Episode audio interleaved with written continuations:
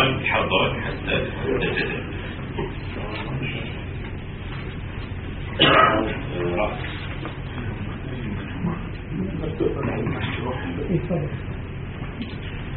بسم الله الرحمن الرحيم. والصلاة والسلام على أشرف الأنبياء والمرسلين محمد وآله الطيبين الطاهرين. اللهم صل على بسم الله الرحمن الرحيم. فبشر عبادي الذين يستمعون القول فيتبعون أحسنه أولئك الذين هداهم الله وأولئك هم أولو الألباب. صدق الله العلي العظيم. العقل هو قدرة الإنسان على استخراج النتائج. وهذه موهبة يتميز بها الإنسان على غيره من المخلوقات وهو أن لديه قدرة يستطيع من خلالها أن يستخرج النتائج ويغير من الأوضاع التي حوله.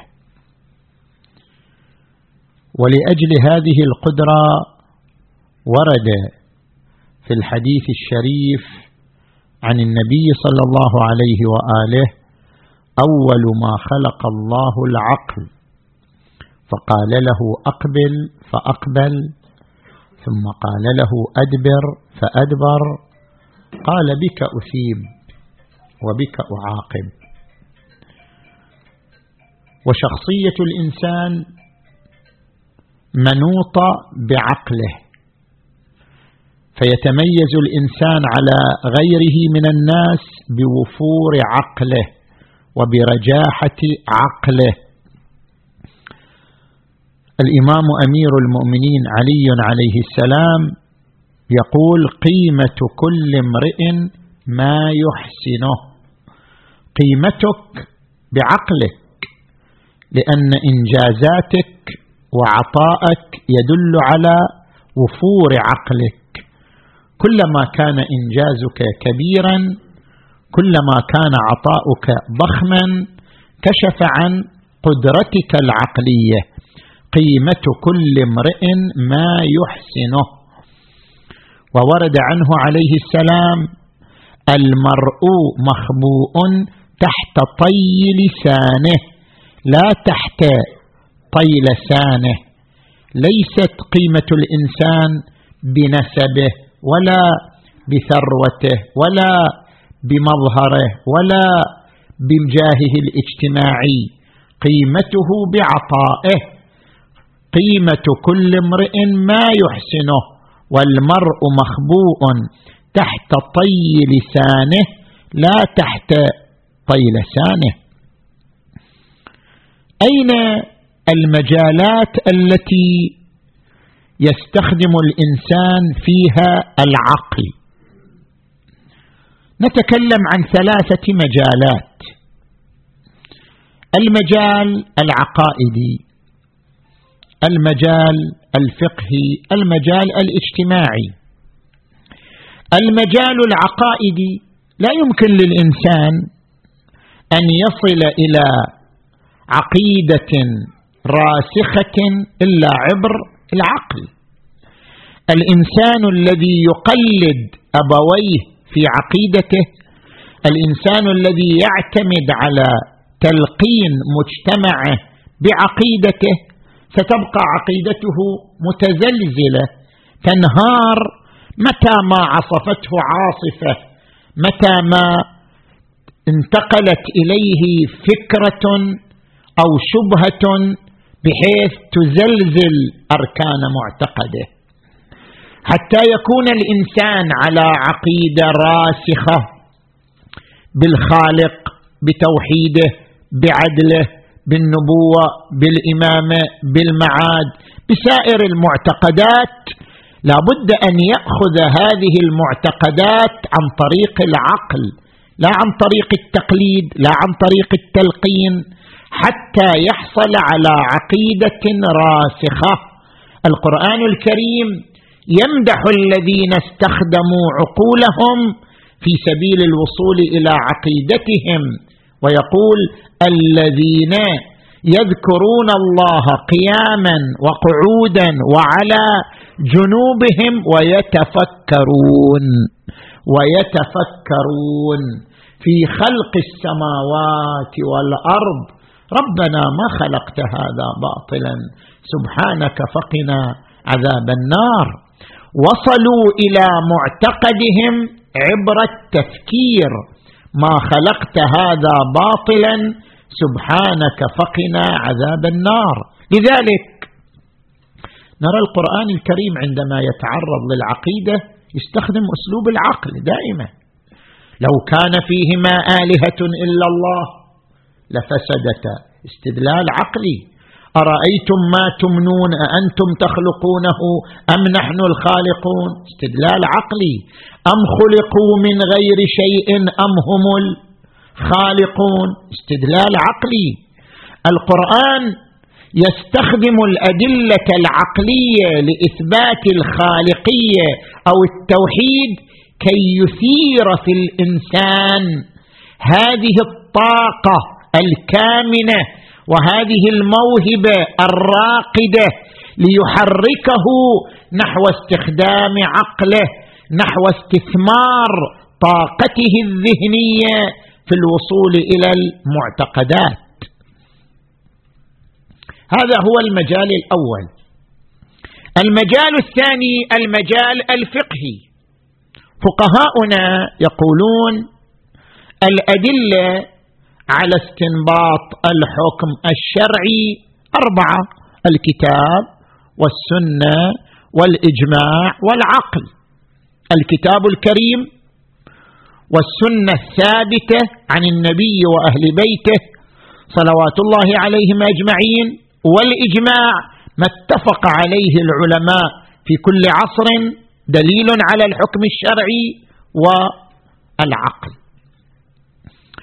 العقل دليل على الحكم الشرعي يقسمه علماؤنا إلى دليل مستقل دليل غير مستقل.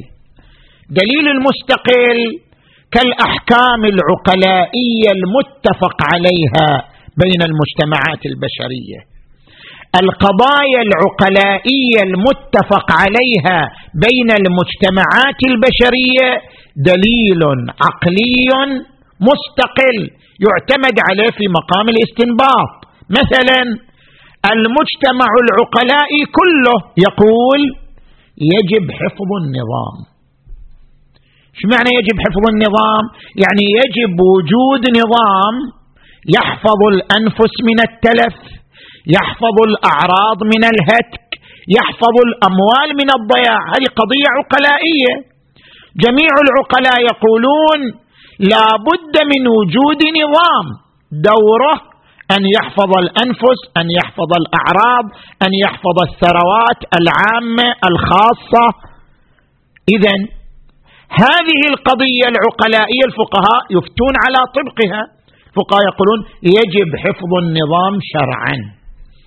إذا كنت تعيش في دولة وهذه الدولة لها أنظمة حتما وهذه الأنظمة التي شرعتها الدولة شرعتها لأجل المصلحة العامة المبنية على العدالة. كل نظام تشرعه الدولة لأجل المصلحة العامة مبنيا على العدالة يجب حفظه على المواطن يجب حفظه شرعا مو عقلا عقلا ندري. يجب حفظه شرعا. قوانين المرور قوانين البلديات قوانين الصحة قوانين التعليم.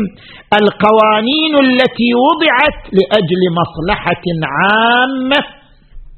وكانت مبنية على العدالة في التطبيق. هذه القوانين يجب حفظها وتطبيقها. هنا يستند العقلاء إلى دليل عقل أو عفوا يستند الفقهاء إلى دليل عقلي مستقل لأنه دليل مستفاد من المجتمع العقلائي وهناك دليل عقلي غير مستقل يعني الدليل مؤلف من جزئين جزء شرعي جزء عقلي. فنسمي الدليل العقلي دليل عقلي غير مستقل. مثلا ما يذكره الفقهاء مقدمة الواجب واجبة. الله تبارك وتعالى يقول الحج واجب.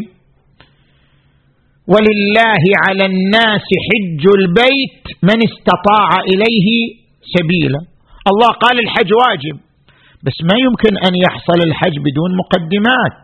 استخراج الجواز استخراج الفيزا لمن يحتاج إلى فيزا إعداد المادة إعداد آه، وسائل السفر. كل هذه المقدمات ما يحتاج الشارع يقول واجبة. عقلك؟ يقول واجبة. عقلك يقول إذا وجب الشيء وجبت مقدمته. هذا الوجوب المقدم وجوب عقلي. فهنا نستند إلى الوجوب العقلي لإثبات ضرورة الإتيان بالمقدمات. شرعا إنما استندنا لهذا الدليل العقلي لأنه دليل عقلي واضح. وإن كان غير مستقل. اعتمدنا فيه على مقدمة شرعية وهي وجوب الحج. اذا العقل دخيل في استنباط الأحكام الشرعية. بل إن العقل يستخدمه الفقهاء حتى في محاكمة الرواية. لو وردت علينا رواية ولنفترض أن هذه الرواية صحيحة السند. ماكو غبار في سندها طريقها صحيح لكنها تتنافى مع العقل. الفقهاء يقولون الرواية تطرح لا يعمل بها. لا نقول أن الرواية مكذوبة ربما صدرت ولها تأويل ربما لها معنى لا نلتفت إليه ولكن لا نعمل بها لمخالفتها العقل. مثلا سيد الخوئي نفسه في كتابه معجم رجال الحديث في الجزء الأول يذكر روايات ويطرحها مع أنها صحيحة. يقول هذه الروايات منافية للعقل اطرحها. مثل شنو؟ مثلا أن عندنا روايات صحيحة إن شهر رمضان لا ينقص عن ثلاثين يوما ابدا. دائما شهر رمضان ثلاثين يوم. مخالفة للعقل. شهر رمضان لا يختلف عن غيره من الشهور. الشهر الهلالي القمري ينشأ عن هذه الدورة دورة القمر. هذه الدورة تدخل حالة المحاق ثم تخرج. هذه الدورة تستغرق في بعض الشهور 29 يوم في بعض الشهور 28 يوم وساعات في بعض الشهور 30 يوما. هذا أمر تكويني. هذا ليس أمرا شرعيا. إذا هذه الروايات وإن كانت صحيحة سندا يقول هذه لا يؤخذ بها لأنها منافية للمنطق العقلي أو للمنطق العلمي. طبعا نحن نطرح الرواية لا بمعنى أن نكذبها بمعنى أن لا نعمل بها. نطرح الرواية إذا كانت منافية للعقل القطعي الجمعي. مو منافية لعقلي لكن عقلك مقبولة. أو منافية لذوقي. لا هذا ما يصير هذا مو ميزان. لا تطرح الرواية لأنها تتنافى مع الذوق. أو لا تطرح الرواية لأنها تتنافى مع بعض العقول. لابد أن تتنافى مع العقل القطعي الجمعي. يعني تتنافى مع حكم عقلي واضح. حينئذ تطرح الرواية ولا يعمل بها. زين. هذا بالنسبة إلى المجال الفقهي. نجي إلى المجال الاجتماعي. كيف نستخدم عقولنا في المجال الاجتماعي؟ اولا في علاقاتنا. أنا أريد علاقات مع أصدقاء مع زملاء. العقل هو الميزان في تأسيس أي علاقة في تأسيس أي صداقة. عقلك هو الميزان. مجتمعك يفرض عليك صديق معين. أسرتك تفرض عليك صديق معين. عقلك هو الذي يميز صديقك الصالح من غيره. ورد عن الإمام زين العابدين علي عليه السلام قال يا بني يوصي أولاده وفي رواية يا بني خمسة لا ترافقهم ولا تحادثهم. يعني لا تشكل صداقة وياهم. خمسة.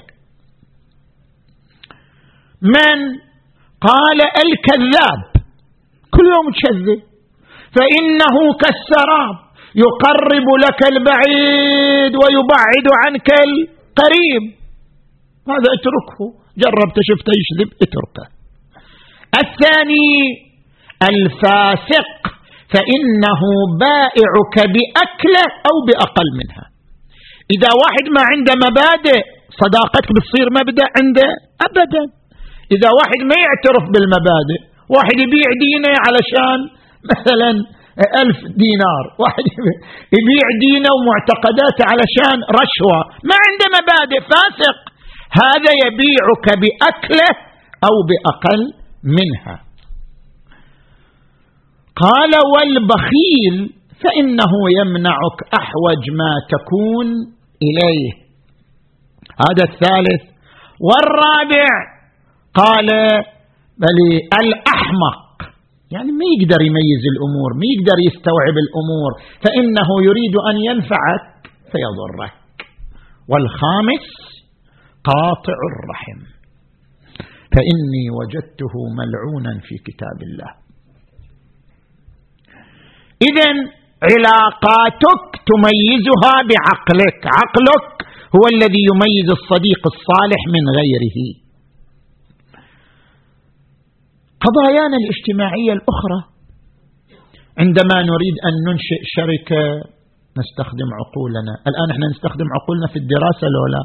أنت في دراستك الجامعية ما تعتمد على عقلك؟ خب. كما تعتمد على عقلك في دراستك في نجاحك في شهادتك. تعتمد على عقلك في اختيار الزوجة الصالحة تعتمد على عقلك في اختيار الصديق الصالح. أيضا اعتمد على عقلك في القضايا العامة. تنشئ شركة تحتاج إلى عقلك. تنشئ مثلا مشروع تحتاج إلى عقلك. مشروع ديني مشروع دنيوي تحتاج إلى عقلك. الآن أنتم عندكم مشروع عظيم مشروع الانتخابات. عقلك لابد أن يكون شنو؟ الحكم في هذا الميدان. لا يخضع عقلك لتأثير فئة معينة أو تأثير أصدقاء أو تأثير دعاية أو تأثير إعلان. المؤثر في قرارك عقلك كما أن المؤثر في زواجك دراستك صديقك عقلك. المؤثر في انتخابك واختيارك شنو؟ عقلك. التجربة التي عشتها كما ورد في الحديث وفي التجارب علم مستفاد. التجارب فيها علم وفي التجارب علم مستفاد. اذا العقل هو الحكم. لذلك العقل أمانة أودعها الله فينا. إنا عرضنا الأمانة على السماوات والأرض والجبال فأبين أن يحملنها وأشفقن منها وحملها الإنسان. إنه كان ظلوما جهولا. نسأل الله أن لا نكون ظلومين ولا جهولين بأن نعتمد على عقولنا في التفكير والتمييز والتمحيص. وهذا المقدار طلبه مني الجماعة حتى يصير مجال أكبر للأسئلة. والحمد لله رب العالمين وصلى الله على محمد وآله الطيبين الطاهرين.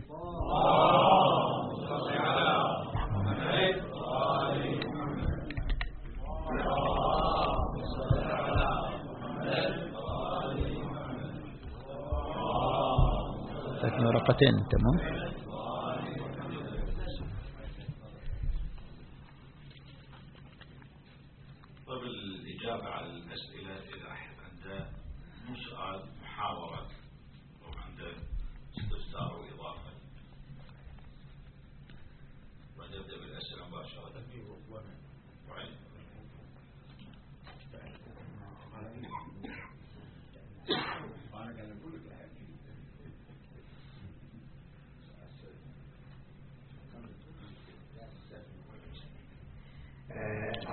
سيدنا جليل سيدنا إذا تشيرون وهذه الشهادة يربط الناس مثلا قضية العقل ومثلا قضية المؤهل الدراسي يعني هذا بروفيسور أكيد أحكامه قطعية دكتور أي مؤهل معين؟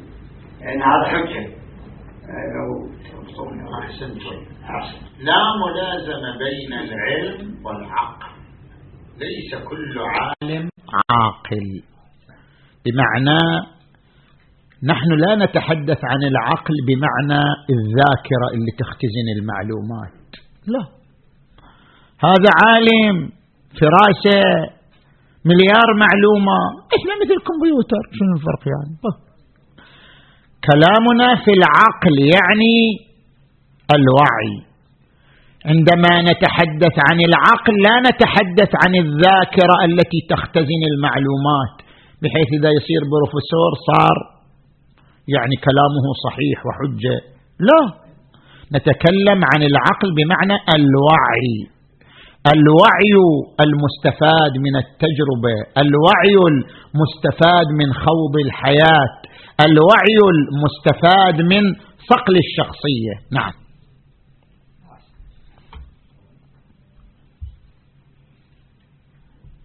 بسم الله الرحمن الرحيم.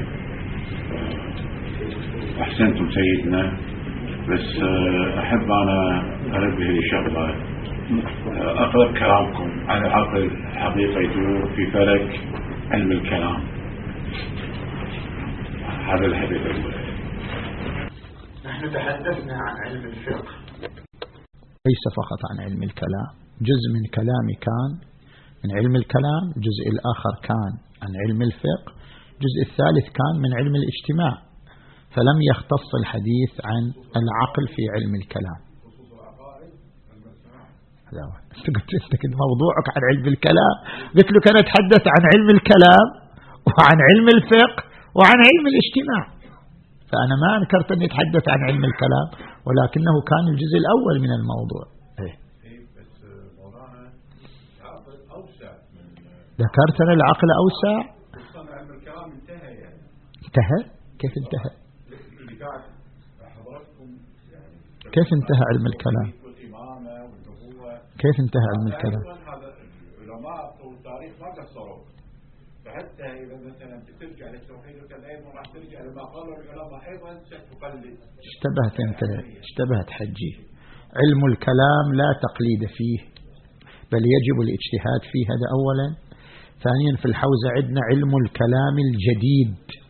وهو عبارة عن استدلالات وأدلة لم يسبق للعلماء أن تحدثوا فيها. فعليك مراجعة الكتب الموجودة في علم الكلام حتى ترى أن علم الكلام يتجدد ويواكب الأدلة الحديثة فعلم الكلام ليس جامدا وليس قد انتهى. مالي تفضل. شوي حجنا بسم الله الرحمن الرحيم. سيدنا السلام عليكم. عليكم السلام. سيدنا كيف يمكننا أن نربط فيما بين آه، دور العقل في الجانب الاجتماعي والفقهي بحيث أن إحنا نعرف أن التكليف الشرعي في استخدام العقل نعم. يجب أن يكون ضمن الضوابط الشرعية. نعم. فيأتون بعض الأشخاص ويقول لك بأنه يجب أن نلتزم في الجانب الفقهي والعقائدي ونتغافل عن الجانب الاجتماعي. فهل هناك ربط فيما بين هذه الجوانب الثلاث العقلي والفقهي والاجتماعي للعقل أم لا؟ نعم بلا إشكال. يعني لا ي... نعم. نعم. لا إشكال أن الرصيد الاجتماعي دخيل في تحديد الموقف الفقهي. الرصيد الاجتماعي دخيل في تحديد الموقف الفقهي. ولذلك ترى أن علماءنا كثيرا من الأحكام يوكلونها إلى الرصيد الاجتماعي وهو عبارة عن النظر العرفي الارتكاز العرفي. الآن مثلا أضرب لك مثال. عندما يقول علماؤنا بأنه عندما يقول علماؤنا بأنه لا يجوز للإنسان أن يتقدم في صلاته على قبر المعصوم يعني يصلي أمام القبر إذا استلزم هتكا لحرمة الإمام. طيب من الذي يحدد الهتك؟ المجتمع. الفقه هنا يعول على النظر الاجتماعية عندما يقول بعض علمائنا أنه الشعيرة مستحبة إلا إذا استلزمت هتك الشريعة أو هتك المذهب. من الذي يحدد ذلك؟ المجتمع. إذا بالنتيجة العرف الاجتماعي أيضا يتكئ عليه الحكم الفقهي في بعض الموارد. نعم. تفضل. إحنا قلنا ثلاث محاورات نطرح الأسئلة وبعدين نرجع للحوار. آخر محاور آخر لازم تصير قانون. شوف أبو مهدي مو من الأول هفليتها لازم تنشط بالضوابط يا سؤال وسؤال سؤال شفهي وسؤال ورقي يا ثلاثة وثلاثة إيش يمكن يعني يصير؟ ما سيدة فليتها خلاص هذه ما صارت هذه قصة هاي.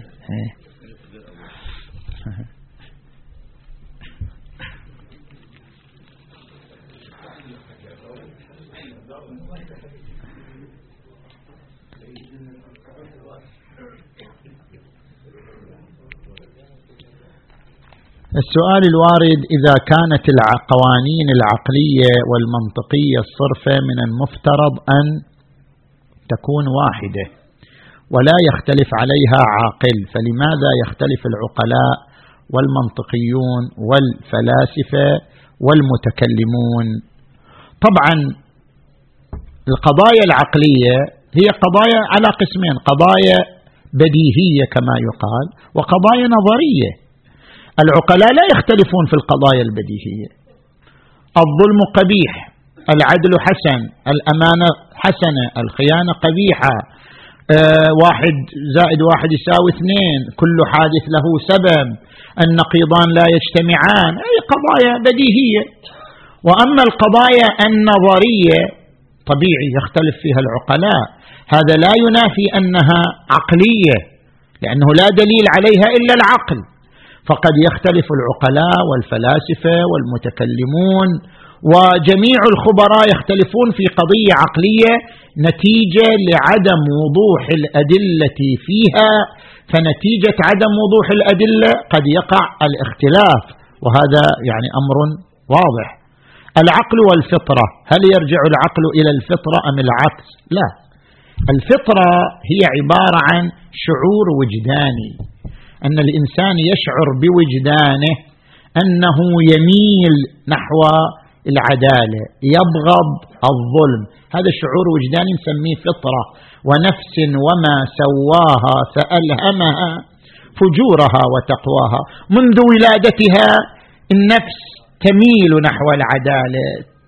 تنفر من الظلم ينفر يميل للإحسان ينفر من الكفران. هذا نسميه فطرة. أما العقل فهو عبارة عن حركة استنتاجية تفكيرية يقوم بها الإنسان. سؤال كيف يتم التحكم بالعقول إلى درجة التوجيه لاتخاذ موقف أو رأي في القضايا الدينية والسياسية والاجتماعية؟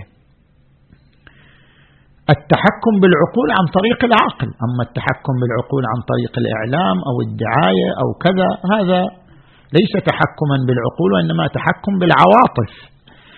الإنسان الذي يتأثر بالإعلام أو بالدعاية أو بالحديث الخطابي هو الذي يصغي لعاطفته هو الذي يصغي لمشاعره وأما التحكم بالعقول فهو إنما يتم عن طريق استخدام الموازين العقلية.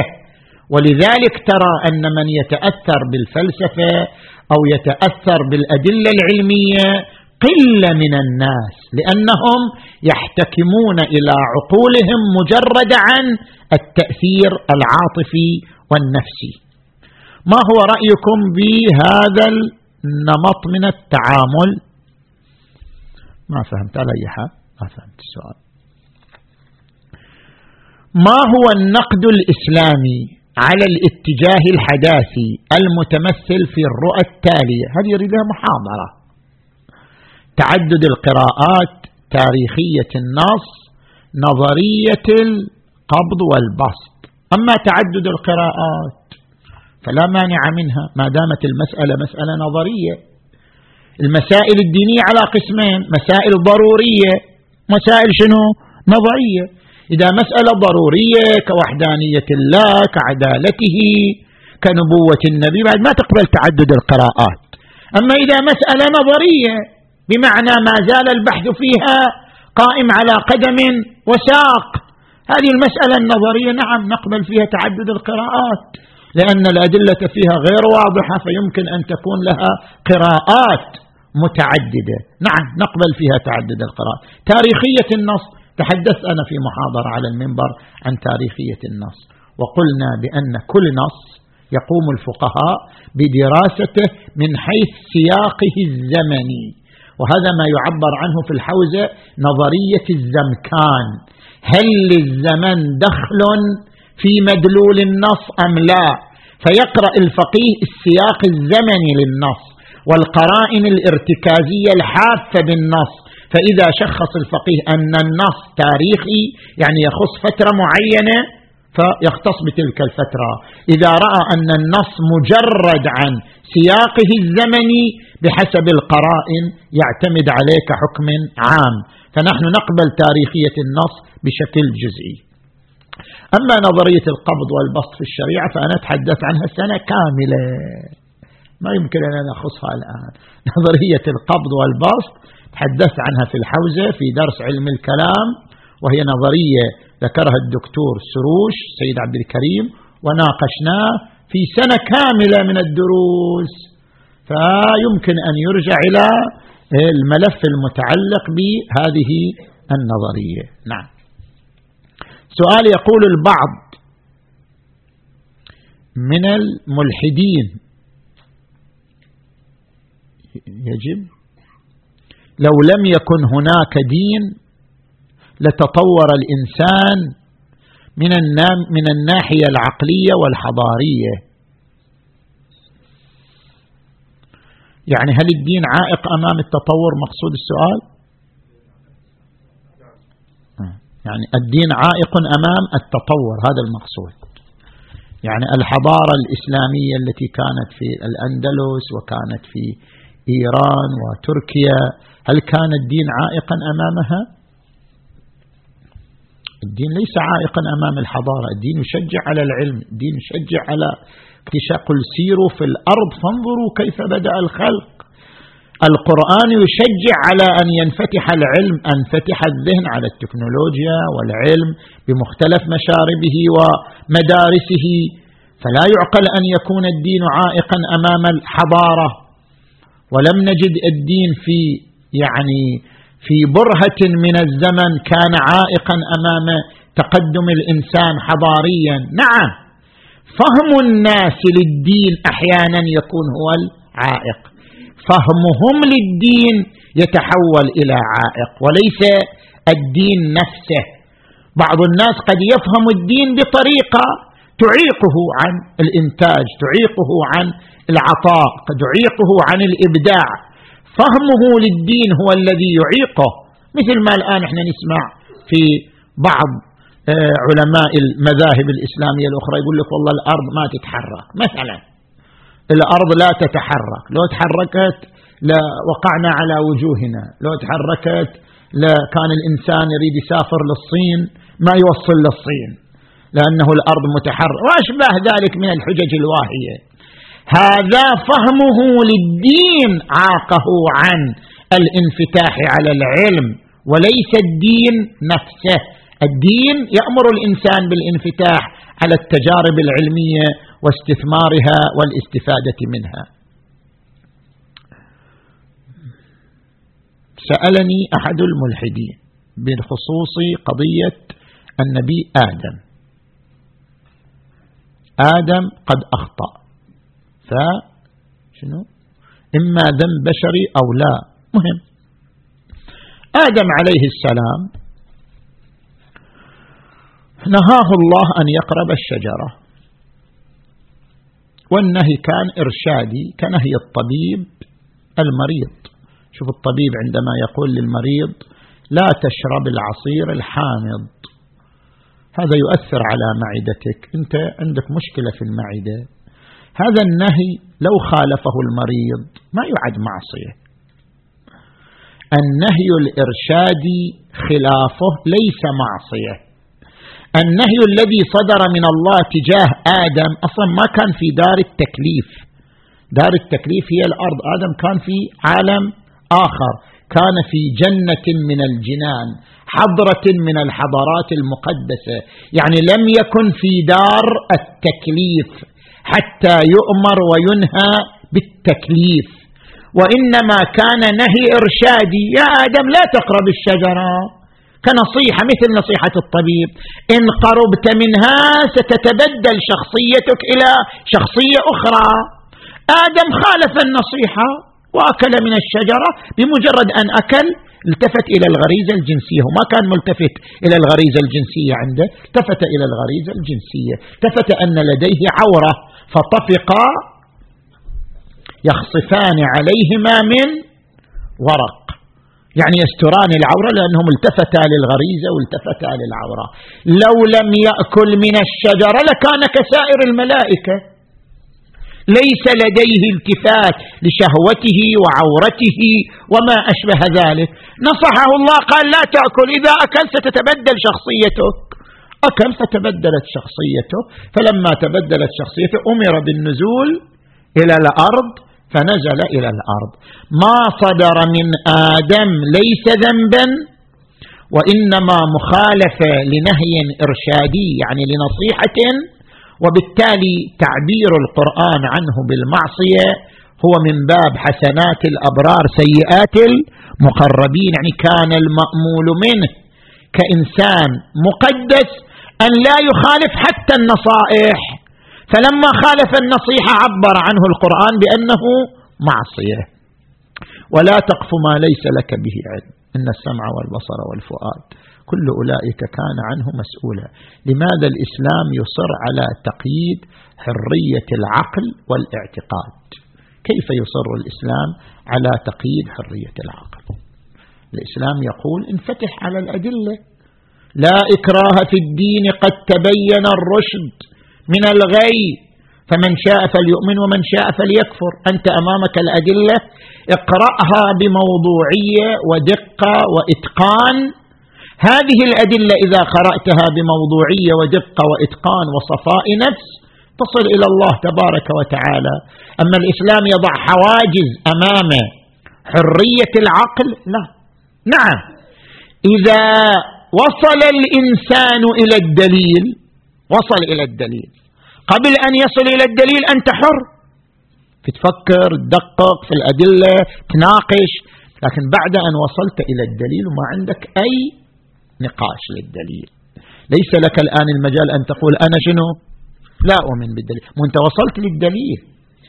بعد أن تصل إلى الدليل لا مجال لأن يقول الإنسان نعم أنا وصلت إلى الدليل. الدليل تمام بس أنا لا أريد أن أعتقد به. فاختلفت حرية العقل قبل الوصول إلى الدليل والحرية بعد الوصول إلى الدليل.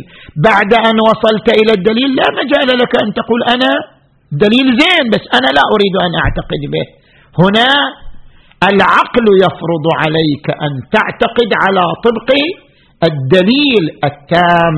ولذلك ذم القرآن من لا تطاوع قلوبهم عقولهم وقال وجحدوا بها واستيقنتها أنفسهم. لماذا يستخدم الله تعالى أسلوب اعذروني بعد أن نظري ضعيف في القراءة والخط قد ما يكون واضح. مثال بسم الله الرحمن الرحيم. إنا نحن. إلى أن قال نحيي. لماذا ها لماذا؟ لماذا يستخدم الله أسلوب الجمع؟ نحيي ولم يقل أحيي. نعم. استخدام أسلوب الجمع في بعض الآيات طبعا في بعض الآيات استخدم أسلوب المفرد. قال تبارك الذي بيده الملك وهو على كل شيء الذي خلق الموت والحياة ليبلوكم أيكم أحسن عملا. وقال يخرج الحي ما قال نخرج يخرج الحي من الميت ويخرج الميت من الحي. استخدم الأسلوب المفرد. أما في بعض الآيات التي استخدم أسلوب الجمع إشارة إلى الملائكة باعتبار أن إشعال شرارة الحياة عن طريق شنو؟ مجموعة من الملائكة. كما أن الموت عن طريق مجموعة من الملائكة إشعال شرارة الحياة عن طريق مجموعة من الملائكة لذلك يستخدم أسلوب الجمع. ما الدليل على قدم أزلية الكون؟ الكون ليس أزليا الكون حادث. كيف ما الدليل على قدم أزلية الكون؟ هذا اعتقاد الفلاسفة أو بعض الفلاسفة خلينا نقول الذين يعتقدون بأزلية الكون ويقولون العلة والمعلول متعاصران زمانا متفاوتان رتبة إذا المعلول يجب أن يكون قديما كالعلة. فإذا كانت العلة قديمة وهي الله يجب أن يكون معلولها قديما. هذا الدليل الفلسفي مناقش في الفلسفة بشكل واضح. الدليل قائم على حدوث الكون وليس على أزلية الكون. تعارف لدينا أن آدم أبو البشر أبو البشر وعمره لم يتجاوز عشرة آلاف سنة. آدم أبو هذه الدورة البشرية وليس أبا البشر كلهم. لابد أن تلتفتوا. البشرية مرت بدورات حتى في الروايات موجود.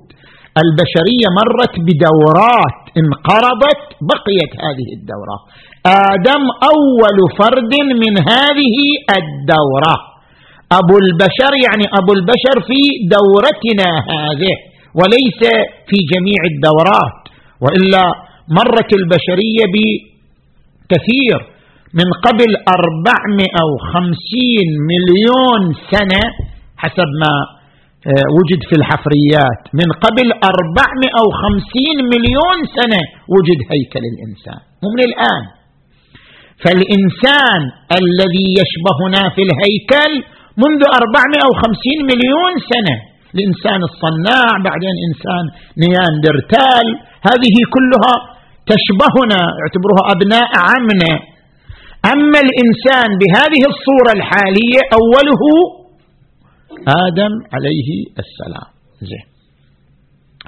إذا كان البشر جميعهم ينتهون لآدم فهل تغير اللون من أبيض وأسود؟ والله ما عندي خبرة بهالقضايا يعني الألوان والقضايا الكيميائية تغير أو ما تغير؟ ما أدري. يمكن تغير يمكن ما أدري. يمكن آدم كان أسمر وزوجته بيضاء فبعضهم اكتسب اللون الأبيض من الأم وبعضهم اكتسب اللون الأسمر من الأب. أمر أمر لا أدري عنه كيف وصل الإنسان إلى أماكن بعيدة جدا واكتشفت حديثا مثل استراليا؟ إذا كان جميع البشر من نسل آدم. طيب الآن عندك عشرة آلاف سنة. ما يصير بعض أبناء آدم هاجروا إلى أن وصلوا إلى أستراليا. مو صعبة القضية يعني. الآن آدم نفسه وين كان؟ سؤال. تدروا آدم وين كان؟ في الهند.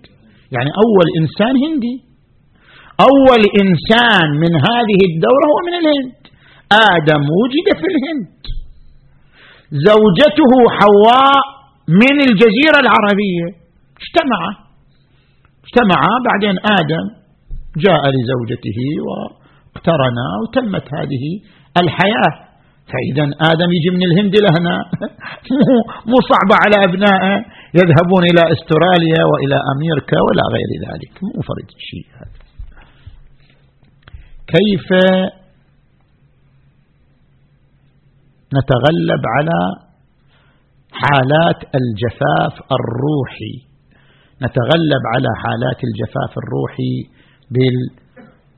بالمواظبة على الصحيفة السجادية. بالمواظبة على قراءة المناجات الخمس عشر للإمام زين العابدين علي عليه السلام. كيف ننتصر؟ كما انتصر نبي الله يوسف. ننتصر إذا كانت ذكرى الآخرة حاضرة في أذهاننا. القرآن الكريم يمدح الأنبياء فيقول واذكر عبادنا إبراهيم وإسحاق ويعقوب أولي الأيدي والأبصار إنا أخلصناهم بخالصة ذكر الدار. يعني ذكر الدار الآخرة حاضرة في أذهانهم. نتيجة لحضور ذكر الدار الآخرة امتنعوا عن المعصية. ولذلك يقول القرآن الكريم إني أخاف إن عصيت ربي عذاب يوم عظيم. كيف يستطيع الإنسان التفكر والتدبر في آيات القرآن؟ القرآن الإنسان بحسب ثقافته. في إنسان عنده فلسفة يتدبر في الآيات اللي لها علاقة بالوجود. في إنسان عنده طب يتدبر في الآيات التي تتحدث عن جسم الإنسان. في إنسان عنده فيزياء يتأمل في الآيات التي تتحدث عن الطبيعة. كل بثقافته يستطيع أن يتدبر في القرآن.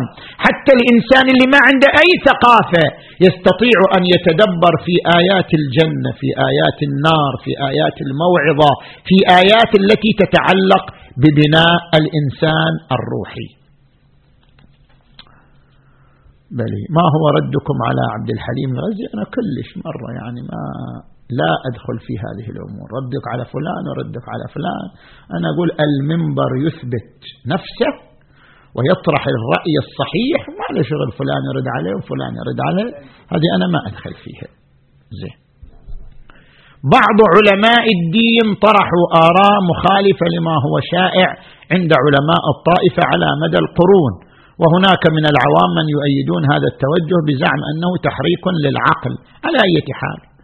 أنت لك عقل اقرأ الأدلة التي طرحها سائر العلماء واقرأ الأدلة التي طرحها. لا تكتفي بأحدهما دون الآخر واقرأ الأدلة التي طرحها عالم آخر وقارن بينهما وحكم عقلك في الموضوع. الآن بعض الحوارات. هذا الريكورد الثاني بعدين خذ نرجع إليه. صلوا على محمد وآل محمد.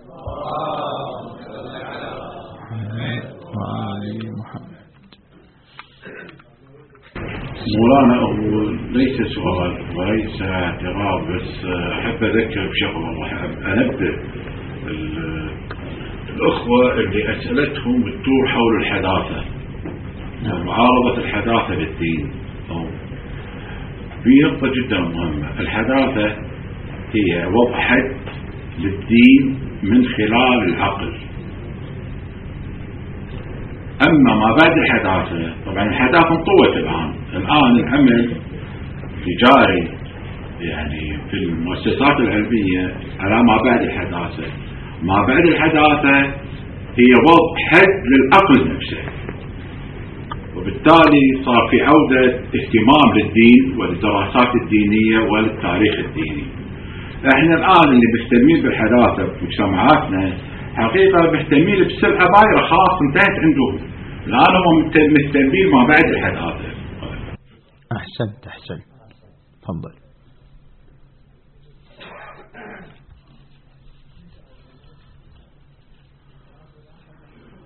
السلام عليكم. عليكم السلام ورحمة الله. ذكرت في محاضرات سابقة أن الحقيقة مطلقة. ولكن إدراك الحقيقة نسبي. صحيح. فماذا تعنون أن إدراك الحقيقة نسبي؟ هل أن لا يمكن الوصول للحقيقة؟ وإذا كان يمكن الوصول للحقيقة ما الضمان أن إدراكي حقيقي وأني وصلت إلى الحقيقة بإدراكي؟ نعم. طبعا هذا أنت وضعت اليد على الجرح يعني. هذا هذا اللي فكر فيه أرسطو من أول يوم.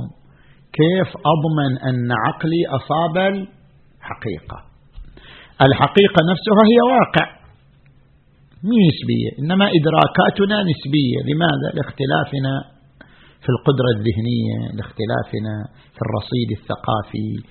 الاختلاف في الرصيد الثقافي وفي القدرة الذهنية يوجب اختلافنا في الإدراك للحقائق.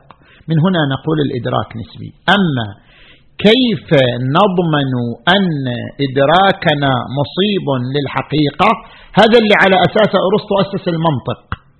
لأن المنطق الأرسطي ما هو؟ يعرفه أرسطو نفسه. آلة تعصم مراعاتها الذهن عن الخطأ في الفكر.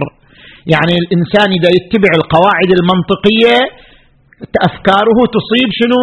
تصيب الواقع ولا تخطئ. ويذكر باب الاستدلال قياس استثنائي قياس اقتراني ولكل من القياسين أدلة وشروط. هذه مذكورة في كتب المنطق. إذا تراجعوا كتاب منطق المظفر يتحدث عن ذلك. بعدين في علم الرياضيات وصل العلم إلى دليل حساب الاحتمالات. ورأى أن المناط في إدراك الحقيقة هو تضاعف درجة الاحتمال.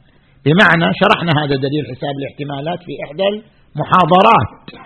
تطبيق دليل حساب الاحتمالات لأن المنطق الأرسطي عليه إشكالات وعليه يعني محاذير. تطبيق دليل حساب الاحتمالات بقواعده المسطورة في الرياضيات يؤدي إلى الوصول إلى اليقين الرياضي. ما نقول اليقين؟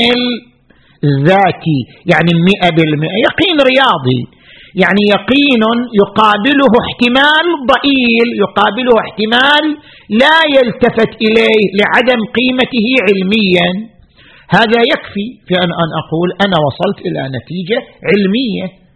دليل حساب الاحتمالات يكفي في أن أقول أنني وصلت إلى نتيجة علمية. آه, آه تفضل. السلام عليكم سيد. عليكم السلام. سيد بالنسبة حق موضوع العلمانيه ذكرت أن بعض العلمانيين يكون متدين المؤمن. نعم. فكيف يكون العلماني متدين وهو في نفس الوقت يؤمن بثقافه نسبية الأخلاق وعدم ثقافة نشر القيم الدينية في المجتمع وأن الدين يعني يشجع على نشر القيم الاجتماعية يعني القيم الأخلاقية في المجتمع فكيف يوفق؟ العلماني ال ال الأخ العلماني نسميه أخ الأخ العلماني. لا يصطدم مع الدين وإنما هو يقول أنتم فهمكم للدين خطأ فهو ما جاي يعترض على نفس الدين حتى نقول بأنه خارج عن الدين. هو يقول أنا متدين بالدين بس أنا أرى أن الدين بحسب فهمي للدين أرى بحسب فهمي للدين أن الدين يعزل عن الحياة الاجتماعية العامة. الدين حالة شخصية الدين طريقة شخصية بينك وبين ربك. أما الدين لا يحكم الدين لا يتدخل في مجال العلم الدين لا يتدخل في إقامة الحضارة إقامة الكيان الاجتماعي. يقول هذا فهمي للدين. فتارة إنسان يقول لا أنا أدري أن الدين يرى أن القيم الخلقية قيم مطلقة بس أنا لي رأي آخر. هذا بل لا يعترف بالدين لأنه جاي يطرح رأي آخر قبال رأي الدين. أما إذا كان يقول لا أنا أفهم الدين هكذا أنا أفهم من الدين أنه مسألة روحية خاصة بالإنسان لا ربط لها بالحياة. ولذلك عندنا الآن إحنا بعض المعممين علمانيين.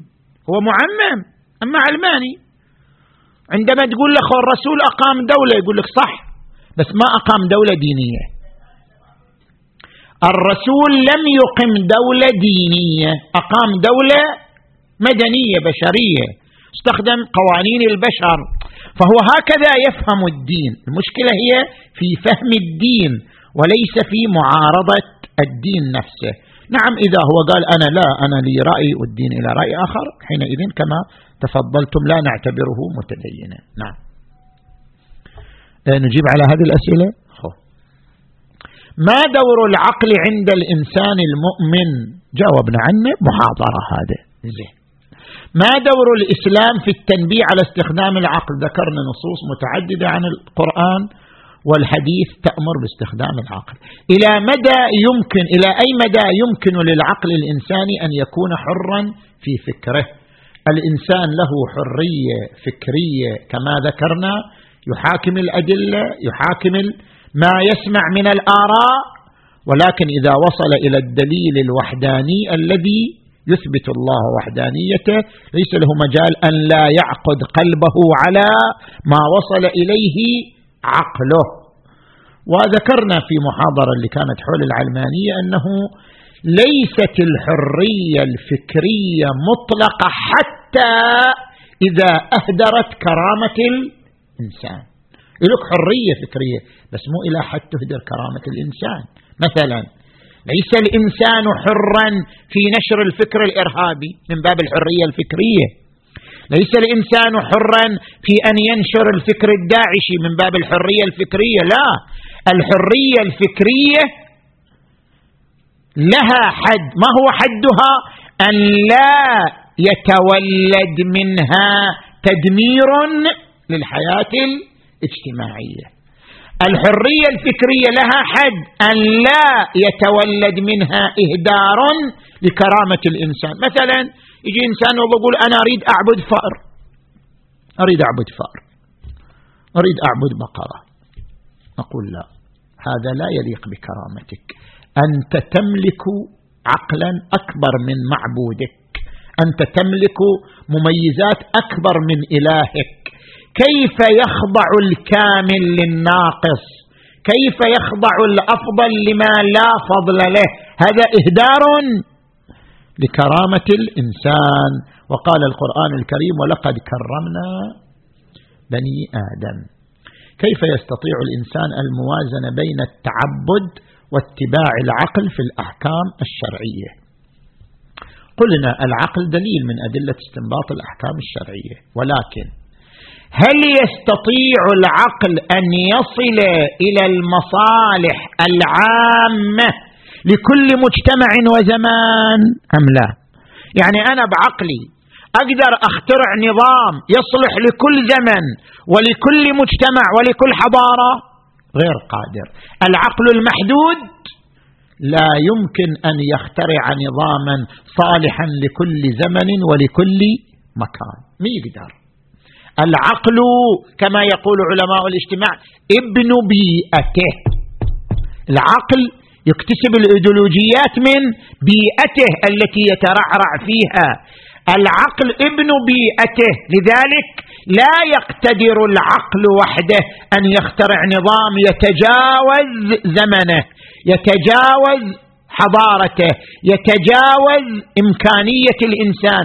أنا أخترع نظام لألف سنة قادمة لمليار سنة قادمة. العقل قاصر عن ذلك. لذلك بما أن العقل قاصر عن إدراك المصالح العامة لكل مجتمع ومكان فإذا جاءته أدلة شرعية تتحدث بإطلاقها عن نظام مطلق.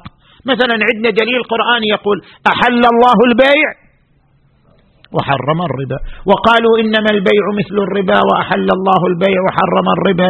دليل قراني قطعي يدل بإطلاقه على حرمة الربا في كل زمان وفي كل مجتمع. ما إلى مجال هنا يقول والله أنا عقلي لا يقول لي لا. مو هكذا. لماذا؟ لأن النص صادر عن الخالق صادر عن العقل الله محدود.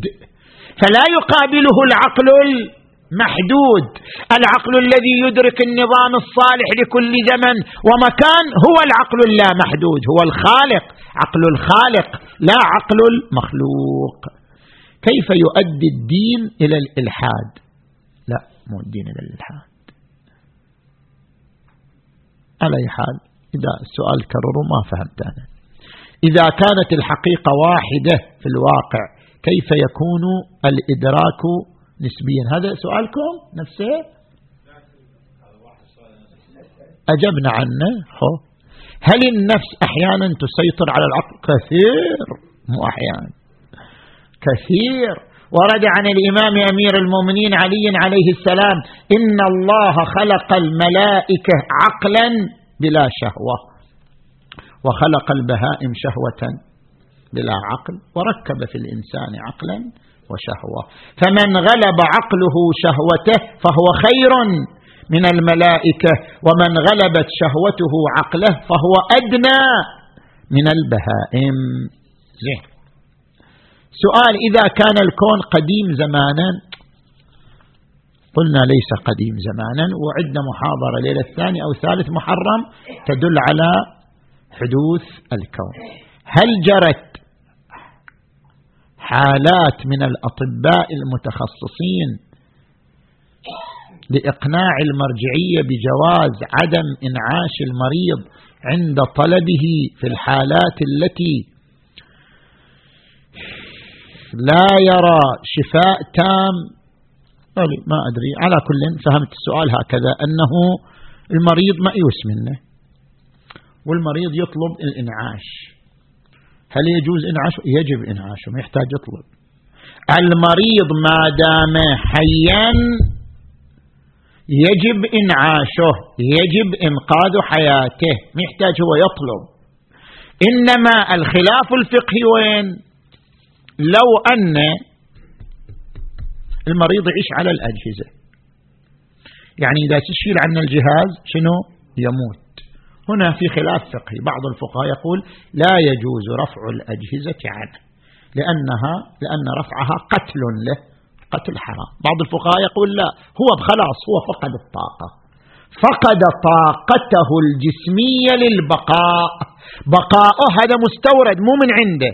يعني ليس بقاؤه من داخل جسمه وإنما من الأجهزة. فبما أن بقاءه ليس من ذاته وإنما من الأجهزة يجوز رفع الأجهزة عن حينئذ. ما علاقة العقل بالنفس المطمئنة؟ النفس المطمئنة هي النفس العاقلة التي تعتمد على العقل في مسيرتها. ما هو ردكم على من يقول للمكلفين والمقلدين لا تمشي خلف الفتوى استخدم عقلك ونحن نعرف إذا كان من أهل الفتوى زين. أنت إذا أنت صاحب تخصص خلاص. كما أنك إذا ذهبت إلى الطبيب قال لك الطبيب مرضك كذا وعلاجك كذا. وتقول له لا اقنعني يلا. يقول لك ما أقدر أقنعك. أنا الآن شخصت مرضك عبر خبرتي الطبية وشخصت علاجك عبر معلومات الطبية. أنت مو مقتنع بكيفك بس أنا لا يجب علي إقناعك بل لا يمكنني إقناعك لأن هذا يحتاج إلى دراسة هذا المجال وأنت مو متخصص. نفس الشيء الفقيه. تجي للفقيه تقول والله أنا لا أنا أستخدم عقلي ما أعمل بفتوى. يقول لك الفقيه إذا أنت متخصص أعمل بتخصصك. أما إذا لم تكن متخصصا والمسألة تحتاج إلى قراءة النصوص. وحل تعارض النصوص وتحديد مداليل النصوص وأنت تفتقد هذه القدرة فعليك بمراجعة المتخصص في هذا المجال. تفضلوا إذا. ما في حوار؟ خذ اثنين ثلاثة. لا مو تعليقات أسئلة. إيه. إيه خذ اثنين ثلاثة وبعدين نكمل. زين. السلام عليكم. عليكم السلام ورحمة سيد أحد المرات أحد الشباب سألني سؤال قال آه ليش الله يعني ما يخلي وجوده آه وإثبات وجوده يكون من السهل لجميع البشر؟ ما الحكمة في ذلك؟ أفي الله شك فاطر السماوات والأرض. القرآن يقول هذه قضية بديهية قضية أن لكل مسبب سبب وبما أن الكون حادث فله محدث القرآن يعتبرها قضية بديهية. أفي الله شك فاطر السماوات والأرض؟ ولئن سألتهم من خلق السماوات والأرض ليقولن الله. إذا ليس كل بديه تقتنع به الناس. أحيانا إنسان ما يقتنع. بديه شيء ما يقتنع به. عدم القناعة إما لمشكلة في الذهن ما يقدر يتصور. إما لمشكلة ثقافية تشبع بمفهوم معين إما لمشكلة نفسية ونفسيا عند تشكيك دائم دائم دائم فما يرعوي لحقيقة من الحقائق؟ عدم اقتناع بعض البشر بوجود الله إما لمشكلة ذهنية إما لمشكلة ثقافية إما لمشكلة نفسية لا يعني أن وجود الله ليس امرا واضحا. أحيانا الإنسان حتى بعض البديهيات يشكك فيها. سؤال كيف يتم إقناع الشخص السلبي في الانتخابات؟ والله أنا ما أدخل في الانتخابات ولا أدري عنها يعني ما نعم تفضل. تفضل عزيز. يعطيك العافية سيدنا. سيدنا مجتمعنا إحنا صار في تغييرات وايد يعني ثقافية واجتماعية خلال ال 20 سنة اللي فاتوا. طبعا. و يعني بتكلم مثلا بخصوص المجتمع الكويتي ودنا نتعرف على يعني أنت كنت بيننا قبل 20 سنة شفت الشباب الحين هم قاعد تشوف. ما يجعلك المحاضرة لا لا مو بالمحاضرة بس ودنا ناخذ رأيك يعني هل لاحظت آه، يعني آه، انطباعات معينة في مشاكل اجتماعية معينة؟ ودنا نشوف واحد رأيه من من خارج المجتمع يشوف آه، شنو الأمراض الاجتماعية؟ امتحان امتحان كذي رأيك. امتحان عسير الله يعطيك العافية. يعطيك العافية. شوف لنا واحد ثالث.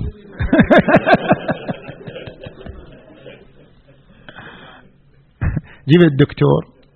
أو تفضل.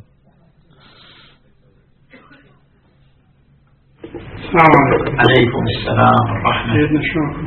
أهلا وسهلا. سؤالي قد يكون شوية غريب لكن إن شاء الله مستحسن إن شاء الله. نعم. على فرض أن لو افترضنا يعني نعم. عدم وجود رب العالمين. نعم. وأخذنا المنهج المحمدي كفكر آدمي كأطروحة فكرية حال حال باقي الأطروحات البشرية نعم. التي لا تعتمد على وجود الله. على وجود خالق. نعم. هل الأطروحة هذه بحد ذاتها عقلا تتناسب مع البشرية؟ أم بس بسبب مدعمها من رب العالمين أو الرسالة الإلهية وهو اللي معطيها القوة هذه؟ نعم. أحسن. هناك أولا المجتمع الكويتي من عشرين سنة إلى الآن. لا شك أنه تغير وإذا ما يتغير معناه مجتمع ميت. صح لو لا. معناه أنه مجتمع ميت إذا لابد أن يتغير. تغيرت ثقافته تغيرت آفاقه الثقافية تغيرت معلوماته. قبل عشرين سنة ما كان في هذه المراكز الدينية الكثيرة الآن موجودة مراكز دينية كثيرة. قبل عشرين سنة ما كان في يعني شلل ثقافية متعددة الآن صارت موجودة.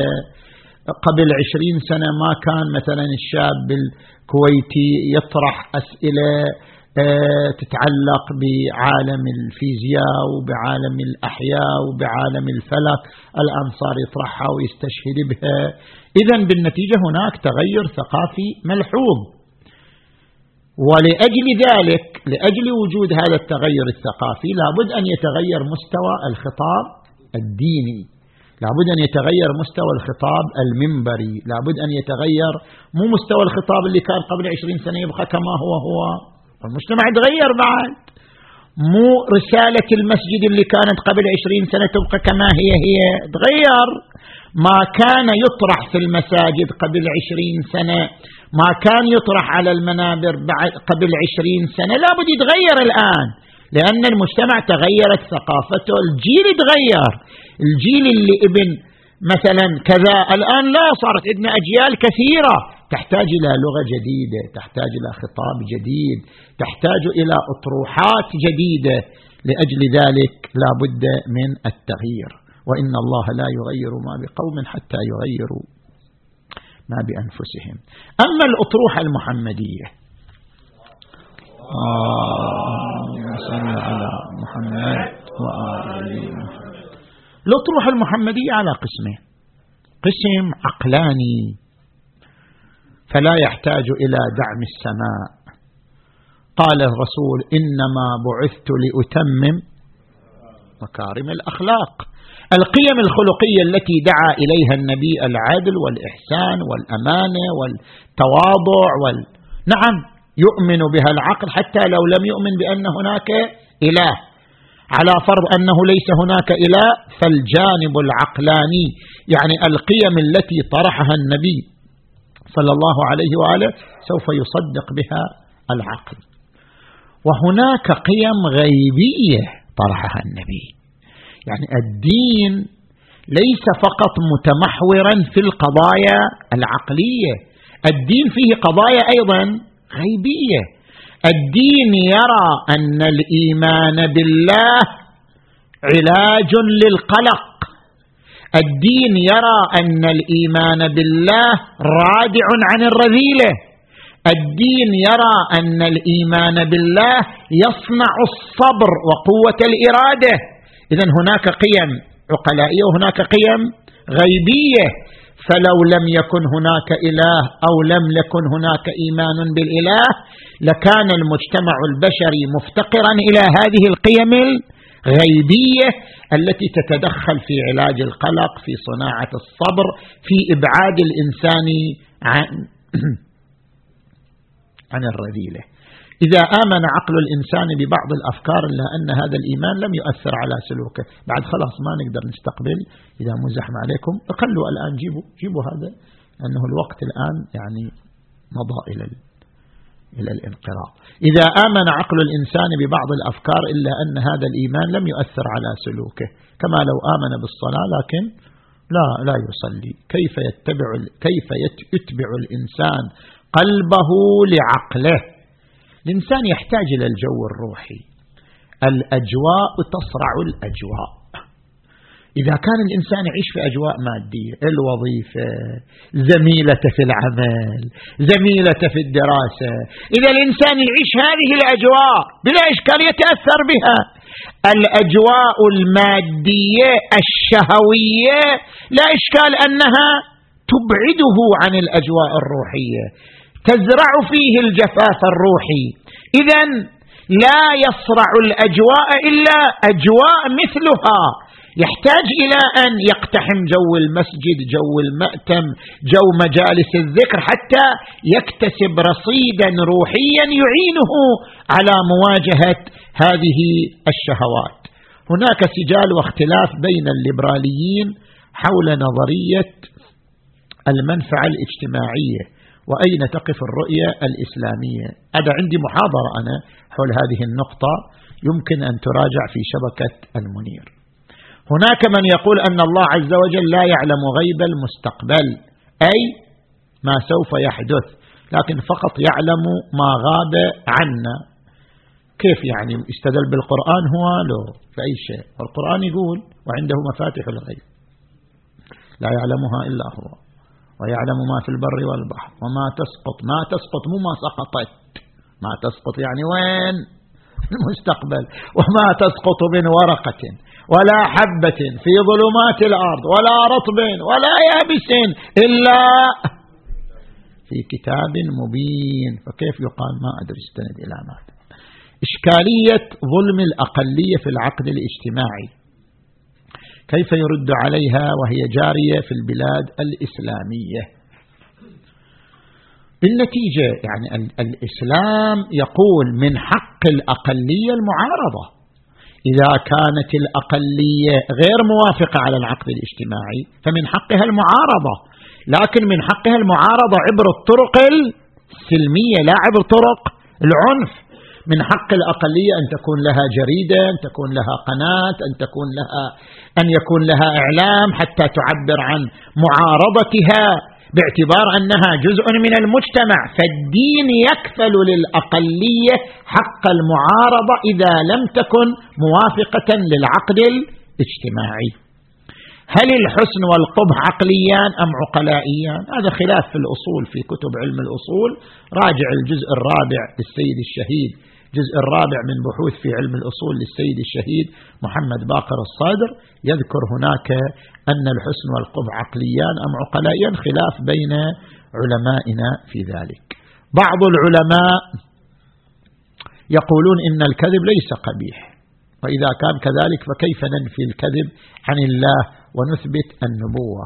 لا دليل عندنا إلا الوجدان. طيب إذا واحد يتجرد عن الوجدان واحد يقول وجداني يرى أن الأسرة ليست قيمة إنسانية. يمكن زواج المثليين الأسرة مو قيمة إنسانية. إذا واحد يقول أنا أرى أن الأسرة ليست قيمة إنسانية يجب المحافظة عليها. الأسرة قيمة نشأت عن العادات والتقاليد. كافي أسر الآن ملازم زواج الآن يصير زواج بين المثليين. بينما نحن ما عندنا رد عليه عقلي ليس عندنا رد إلا شنو؟ الوجدان نحن نقول وجداننا الصافي يرى أن بقاء المجتمع ببقاء كيان الأسرة. وانتظام حياة المجتمع ينطلق من انتظام حياة الأسرة. هذا وجداننا الصافي يحكم بذلك. أيضا الذي يقول الكذب مو قبيح. نقول له وجداننا الصافي يرى أن الكذب في حد ذاته شنو؟ قبيحا لأنه ظلم للآخر. كذب أصلا صورة من صوريات الظلم. الكذب إخفاء الحقيقة عن الآخر وإخفاء الحقيقة عن الآخر ظلم له والظلم قبيح. لماذا لا نرى مشروع إسلامي ناجح في حياتنا؟ لماذا لا يوجد نظام إسلامي ناجح نظام إسلامي ما لي شغل في النظام الإسلامي. إيه. أما لماذا لا يوجد مشروع إسلامي ناجح؟ كثير من المشاريع الإسلامية الناجحة عند السنة والشيعة. كثير من المشاريع الإسلامية تعال أنت إلى أفريقيا ادخل أفريقيا انظر آلاف المشاريع الخيرية والثقافية الإسلامية وهي مشاريع ناجحة وعلى إثرها دخل الملايين من الإفريقيين في الإسلام. بإمكانك تزور أوغندا بإمكانك تزور يعني عدة مناطق أفريقية لترى مشاريع إسلامية ناجحة. ذكر بعض العلماء أن هناك جنود العقل. فما هي؟ جنود العقل ذكروها ذكرت في الروايات. جنود من جنود العقل الإيمان من جنود العقل الصدق من جنود العقل الإخلاص. هل مشاهدة الإمام الحجة في عصر الغيبة ضرورية؟ نعم. أنا أرى أنها ضروري مو المشاهدة اللقاء. المشاهدة هي دعوة السفارة. المشاهدة تعني أن يدعي الإنسان أنه سفير من قبل الإمام عليه السلام. هذا يجب تكذيبه ورفضه. أما لقاء الإمام ممن هم أهل للقاء ضروري في عصر الغيبة لما؟ لأنه لولا ذلك يتعطل دور الإمام. شنو دوره إذا الإمام عجل الله فرجه الشريف كسائر الأئمة عليه مسؤولية هي مقومة لإمامته. أصلا الإمامة متقومة بهذه المسؤولية.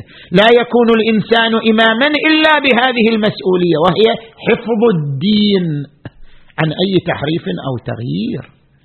الهداية فإذا كانت الإمامة متقومة بدور حفظ الدين والهداية الإمام كيف يمارس هذا الدور وهو لا يلتقي شنو؟ بأي بشر على الإطلاق. هذا لازمه أن الإمام عاطل عن أي دور. بينما هذه الأدوار دخيلة في قوام إمامته. لذلك لقاؤه بمن هو مؤهل للقيام بهذه الأدوار معه. أمر ضروري. ما المقصود بتدبر القرآن؟ وهل معناه أن نفس القرآن يمكن فهمه؟ التدبر في القرآن بمعنى استثمار القرآن للوصول إلى الله. ولذلك يقول القرآن أفلا يتدبرون القرآن أم على قلوب أقفالها؟ فك القفل قفل القسوة في القلب. قفل الظلمة في القلب. فك هذا القفل بالتدبر في القرآن. استنطاق العظة استنطاق العبرة استنطاق الوصول إلى الله عز وجل. آه.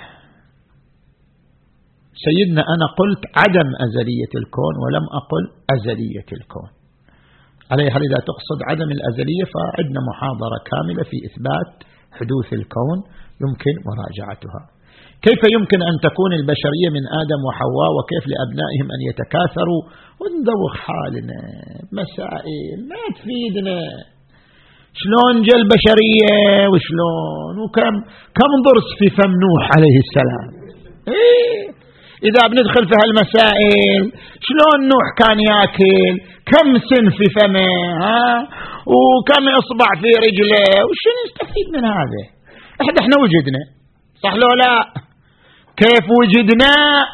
هل أن آدم هل أن قابيل تزوج أخته؟ وهابيل تزوج أخته؟ أم تزوج جنيتين؟ أم تزوج حوريتين؟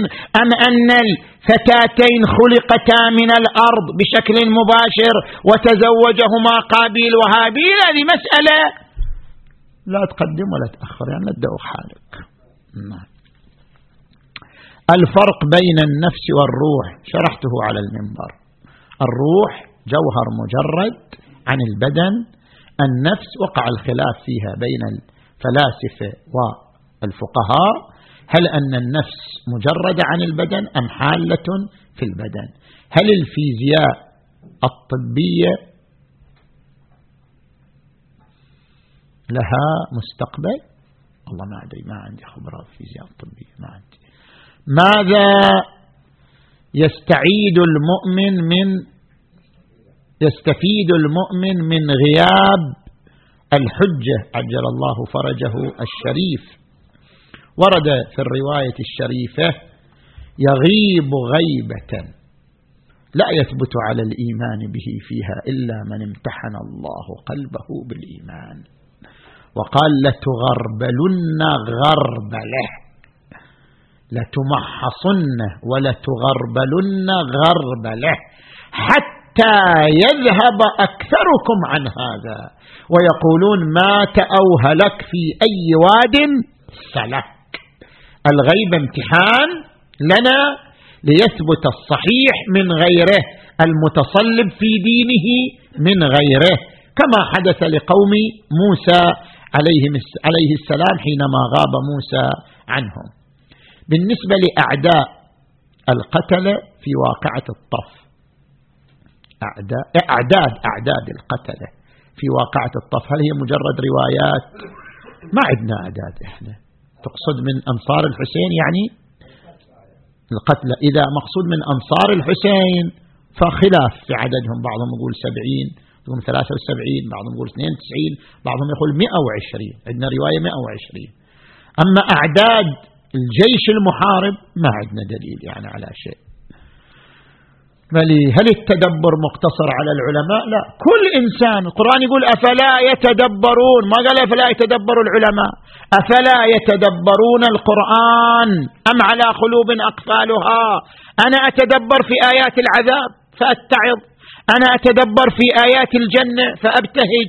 أنا أتدبر في الآيات التي تأمر بالأخلاق فأقتدي بها. التدبر لا ينحصر بالعلماء. هناك من يستدل على ضيق الأفق عند الإسلام بأحكام الردة. أنا أجبت عن هذا حكم الردة في عدة محاضرات.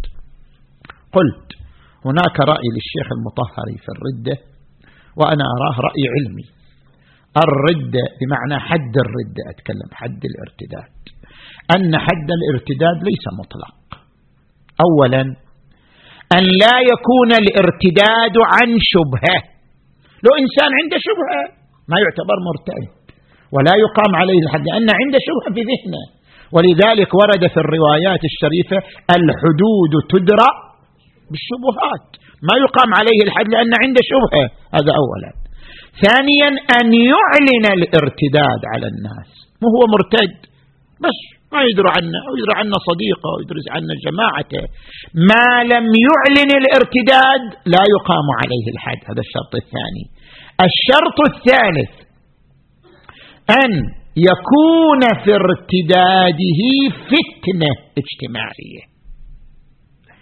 لقول القرآن الكريم وقاتلوهم حتى لا تكون فتنة. باعتبار أن الفتنة أشد. بقاؤه بقاء لإنسان لكن فتنة ارتداده أشد مفسدة من منه. لذلك في سبيل ردع المجتمع أو في سبيل عفوا درء المجتمع عن الفتنة حتى لا تصير فتنة اجتماعية يقتل. يقتل في حال يكون ارتداده سببا للفتنة وليس مطلقا. إذا بعض الفقهاء لا يروا حد الارتداد مطلق هذا خلاف يمكن المراجعة فيه لمصادره. هل جميع الفقهاء يقولون بولاية الفقيه؟ لا. بعض الفقهاء يقول بالولاية العامة كالإمام الخميني بعض الفقهاء يقول بالولاية في الأمور الحسبية كالسيد الخوئي بعض الفقهاء يقول بالولاية في المصالح العامة كالسيد السبزواري والسيد السيستاني. ما هي الشروط التي تكون في الولي الفقيه؟ شروط بعد مذكورة العدالة. الاجتهاد العدالة الخبرة بالقضايا العامة والمعرفة بها. تقول الرواية بأن الإنسان قد يصل إلى أن يوكل الله به ملكا يسدده. نعم إذا بلغ الإنسان درجة عالية من الإيمان يسدد من خلال روح القدس. قال تعالى أولئك كتب في قلوبهم الإيمان وأيدهم بروح منه السؤال الأخير ذكرتم في إحدى المحاضرات أن من درجات العبادة رؤية ذات الله بكمالها وجمالها. لا أقصد الذات الأحدية ما حد يقدر يدرك الذات الأحدية. نقصد إدراك ذات الله يعني إدراكها بما لها من صفات جلال وجمال لا إدراك نفس الذات الأحدية. فهذا لا يمكن للعقل المحدود أن يدركه والحمد لله رب العالمين شيخنا من